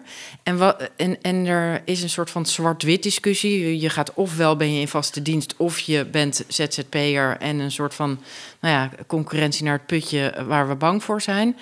En uh, wat mij opvalt is dat deze partijen zeggen: ja, wij willen best wel allerlei dingen sociaal voor de mensen die voor in opdracht van ons werken mm. doen. Bijvoorbeeld vakantiegeld, bijvoorbeeld verzekeringen, bijvoorbeeld.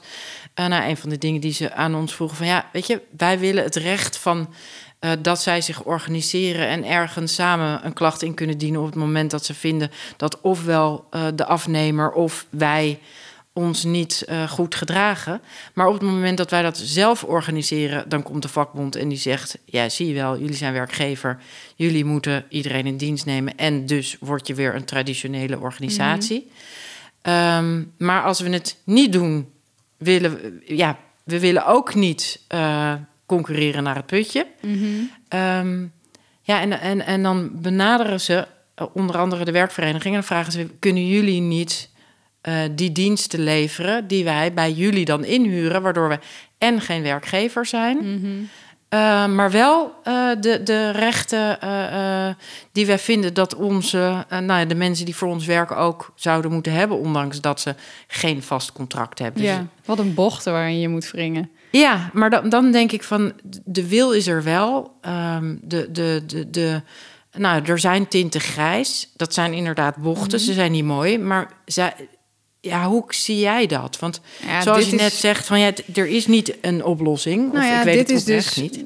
een van de ontwikkelingen waarom we naar zo'n sociaal fundament toe moeten. Ja. Uh, dat uh, um, uh, in elk geval het recht om verzekerd te zijn tegen ziekte, arbeidsongeschiktheid. Dat je kan leren en ontwikkelen. Dat je van die dienstverlening op dat terrein gebruik mag maken. Ja, dat zou gewoon los moeten staan van hoe je werkt. Ja.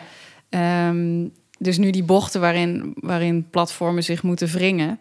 Uh, ja, dat is natuurlijk, alles is eraan gelegen om dat dienstverband te ontwijken. Maar dat is, dat, dat is natuurlijk niet wat je wil, dat, dat sociale zekerheid doet. Daar hebben, we, daar hebben we het toch niet voor bedacht. Nee, en maar dat ja, het een als soort je onderscheidend kijkt... mechanisme wordt om het ja. juridische construct te bepalen. Ja, maar kan je dan niet stellen dat we dus, ondanks dat we niemand hun rechten af willen pakken, dat het op de arbeidsmarkt van vandaag te veel in de schoenen is geschoven. Wat ooit terecht was, denk ik.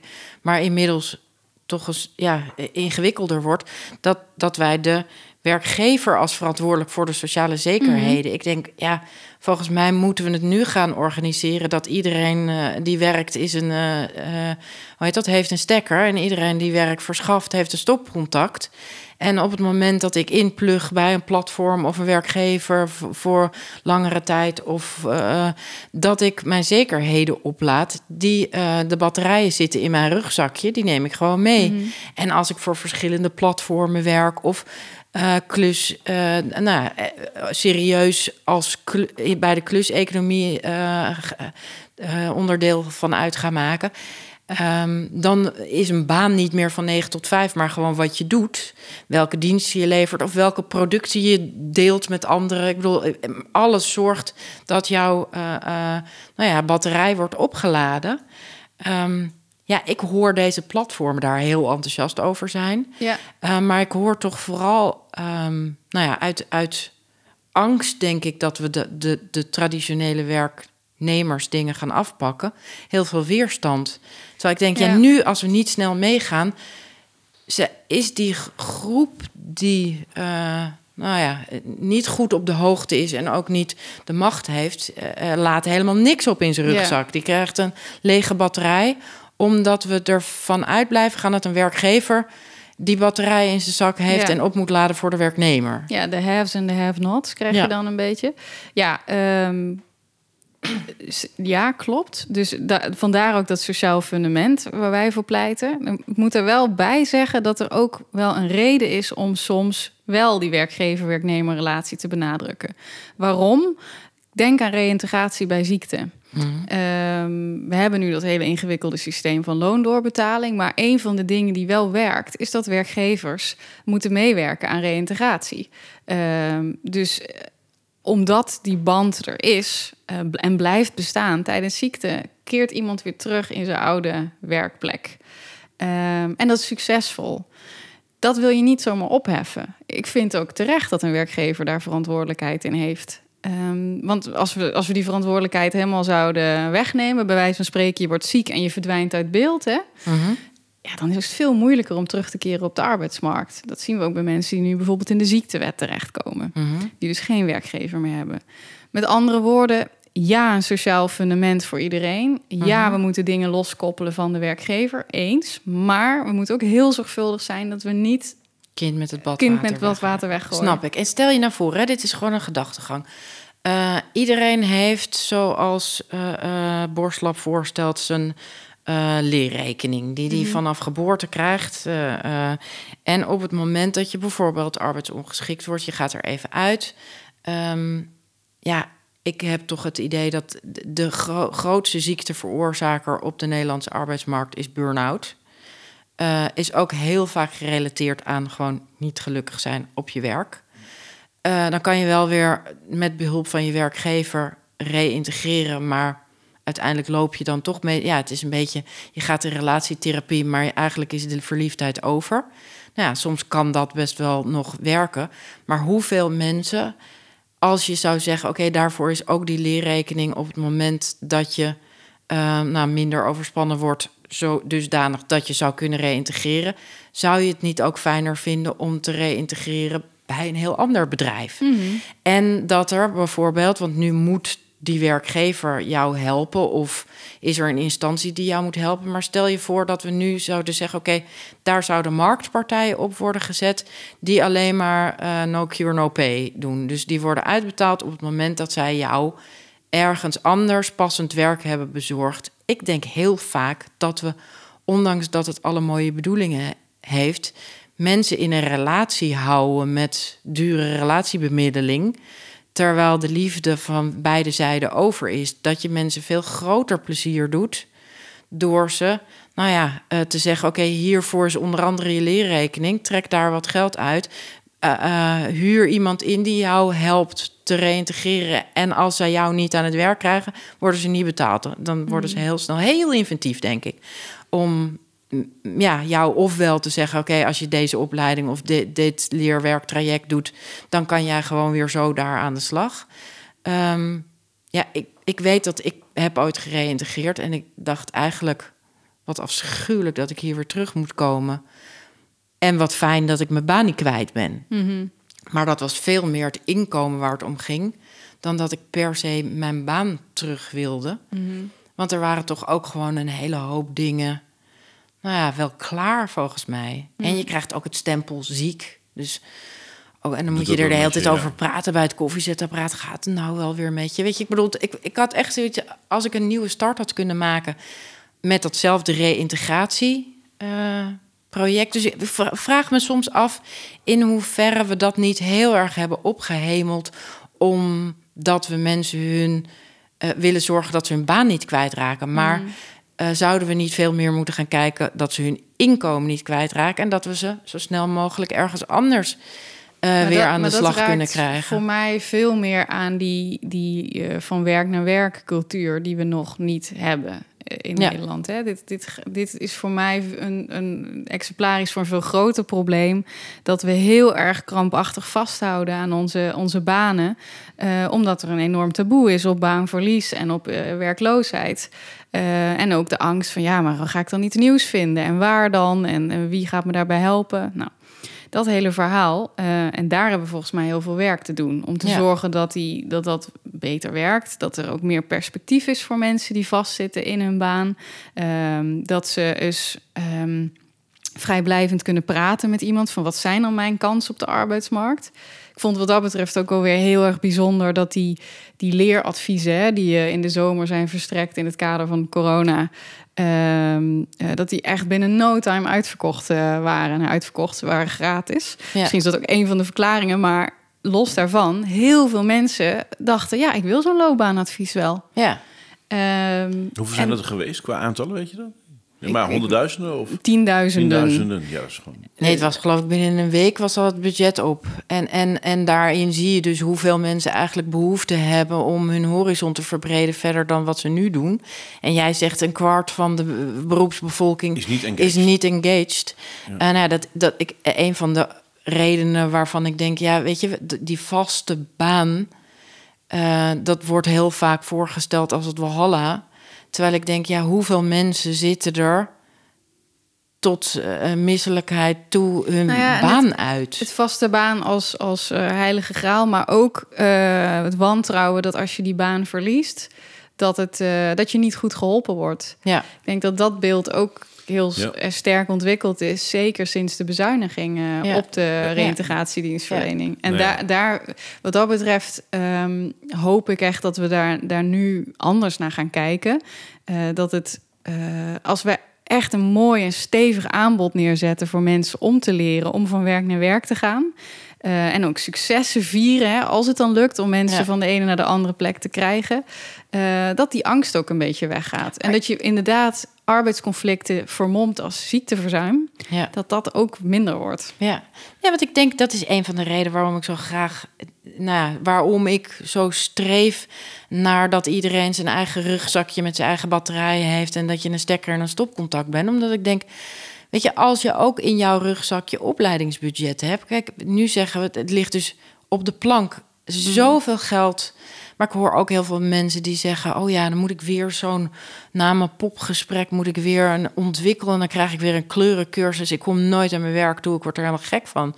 Uh, ter, ja, ze voelen het meer van: jij moet iets doen met, dat, met dat budget. Ja. Uh, maar het voelt niet alsof ze vrij zijn om ook te kiezen.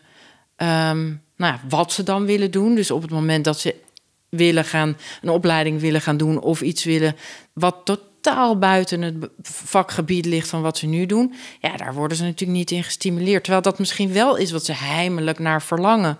Dat ze zeggen van, nou, ik zou hiernaast ben ik een beetje aan het ZZP en zou ik heel graag me willen ontwikkelen in dat. Ja. En mijn droom is uiteindelijk dat te gaan doen. Nou, ja, daar word je, je helemaal niet al, gestimuleerd. Volgens mij heb je het dan al over de mensen in de voorhoede hoor. Die ja. denken aan, oh, ik wil ja. misschien iets anders. Het, voor een heel groot deel nee, van de, de arbeidsmarkt denkt zo nee, nog helemaal even, niet. Mensen zijn en logisch. Ja, ja, nee, maar ik bedoel, even, want, maar, want iets maar dat hebben we ze ook aangeleerd doordat we al die, ja, al die rugzakjes, dan je moet je overleveren aan je werkgever, want dan is hou toch je ook je gewoon pensioen. de zekerheid van nu in plaats van de onzekerheid van, van straks. Um, ja. Het, het, het, het, het is gewoon, denk ik, ook heel menselijk om vast te houden aan wat je hebt. Ja. En daarom moeten we die prikkels op die arbeidsmarkt zo inrichten dat we dat gevoel van onzekerheid wegnemen door Ja. een goed vangnet in te richten en door perspectief te geven. Ja. Ehm, ja, dus ik zei net al, die, dit zijn echt mensen in de voorhoede die al ongeveer denken: Oh, ik zou wel eens iets anders willen doen. Een veel grotere uitdaging zit bij de groep die eh, wegduikt als het over leren en ontwikkelen gaat. Uh, en zichzelf ook uh, helemaal niet in staat acht om dat te doen. Ja. We hebben het gezien op dat, bij die skills passport pilot op Schiphol. Bij de mensen die bij de bagageafhandeling werkten. Um, ja, de grootste winst van zo'n skillspaspoort voor die mensen was dat ze beseften wat ze konden. Ja. Dat ze opeens zagen van, oh ja, ik kan werken onder stress. Dat is wel echt wel best wel bijzonder en knap dat ik dat kan. Ehm, of ik, uh, ik schakel heel makkelijk tussen verschillende werkzaamheden. Ik kan goed mijn tijd uh, overzien. Ja, dat, dat, zo dachten die mensen helemaal niet. Die hadden het gevoel van ja, ik, ik, ik dit kan ik. En meer kan ik, ik niet. Onze luisteraars ja. dit wel interessant vinden. Waar kunnen we daar meer over vinden? Over het skillspaspoort. Ja. Nou, sowieso op onze site, maar ook bij House of Skills, uh, waar we mee samenwerken, is daar heel veel informatie over te vinden. Ja, ja want uh, een van de redenen waarom ik ook de werkvereniging had opgericht, was niet zozeer om. Uh, nou, het was eigenlijk omdat ik dacht, ik zou zo graag de vrijheid die, die ik heb ervaren nadat ik ontslagen werd, dat, dat ik eigenlijk bevrijd werd van mijn eigen angsten, die me elke dag in, de, nou, in dezelfde maat naar dezelfde plek dezelfde dingen liet doen. En dat ik dacht, dit is fijn. Ik was heel erg behoudzuchtig. Ik wilde ook niet op andere plekken gaan zitten. Ik wilde dat mijn pen daar lag waar ik hem de mm. dag daarvoor had neergelegd. En ik was heel erg krampachtig aan al die zekerheden aan het vasthouden. En uh, uh, nou, was zo blij toen ik een vast contract kreeg. En toen ik die verloor, dacht ik: nu ben ik alles kwijt en ik ben weggewerpen en ik ben weet ik veel wat. En eigenlijk daarna de ervaring dat ik dacht: maar ik ga niet dood. En ik kan nieuwe dingen leren. En ik heb veel meer kwaliteiten dan dat ik dacht dat ik had, zoals jij beschrijft nu. Die bevrijding zou ik eigenlijk aan zoveel mensen gunnen. Mhm. En dat is waarom ik toen ben gaan onderzoeken van... goh, wat maakt nou dat mensen ofwel blijven zitten waar ze zitten... wanneer gaan ze in beweging? Ja, dat is inderdaad als we een combinatie hebben tussen bepaalde mate van zekerheid... dat ze niet te pletter vallen als uh, ze een stapje zetten... wat uiteindelijk een misstap blijkt te zijn... Um, en ook niet te veel zekerheid dat ze in een hangmat gaan liggen en, en aangeleerd hulpeloos worden. Uh, en ja, ik denk toch wel, ik, ik, ik nou ja, heb je gevraagd of, of, nou, of jij bereid bent om met mij te kijken en de werkvereniging, hoe we alle mensen dus op deze arbeidsmarkt gaan bevrijden zonder dat we ze, nou ja, in elk geval de meest nodige zekerheden afpakken. En daadwerkelijk bevrijden dat ze blij zijn ook om bevrijd te zijn, niet tegen hun zin in. Um, ja, ik, ik, ik, uh, uh, ik hoor jou heel veel dingen zeggen die ik de meeste mensen niet hoor zeggen. Ik wilde je dat even meegeven. Dank je wel. Nou ja, heel leuk om je aan te schuiven. En, ja. Uh, ja, we blijven in gesprek, uh, ga ik vanuit. Kijk, nou, er, er, komt een, er is, het was voor ons ook een experiment. Dus het is het eerste seizoen, zeven afleveringen gedaan. Ja. Uh, in september beginnen we opnieuw. Dus dan gaan we, willen we uh, tien afleveringen gaan maken in seizoen 2. En nou ja, we hebben een aantal honderden mensen die in elk geval elke keer luisteren. Dus dat is fijn. Um, wie zouden we volgens jou moeten vragen voor een, uh, voor een volgende aflevering? Ja, we hadden het net over die HR-opleidingen. Dat, ja, uh, ik heb niet een concrete naam, maar... Nee, nee maar dan, ja. gaan, we, dan gaan we induiken. Ja, ik weet, uh, Remco Mostertman heeft de HR-community. Die kan ons vast wel vertellen waar we moeten wezen. Ja, dat zou interessant en zijn. En nog iemand, heb je nog een idee over... Dit is een, een, hoe heet dat, een invalshoek die mij echt verraste in de afgelopen tien jaar. Of een partij of een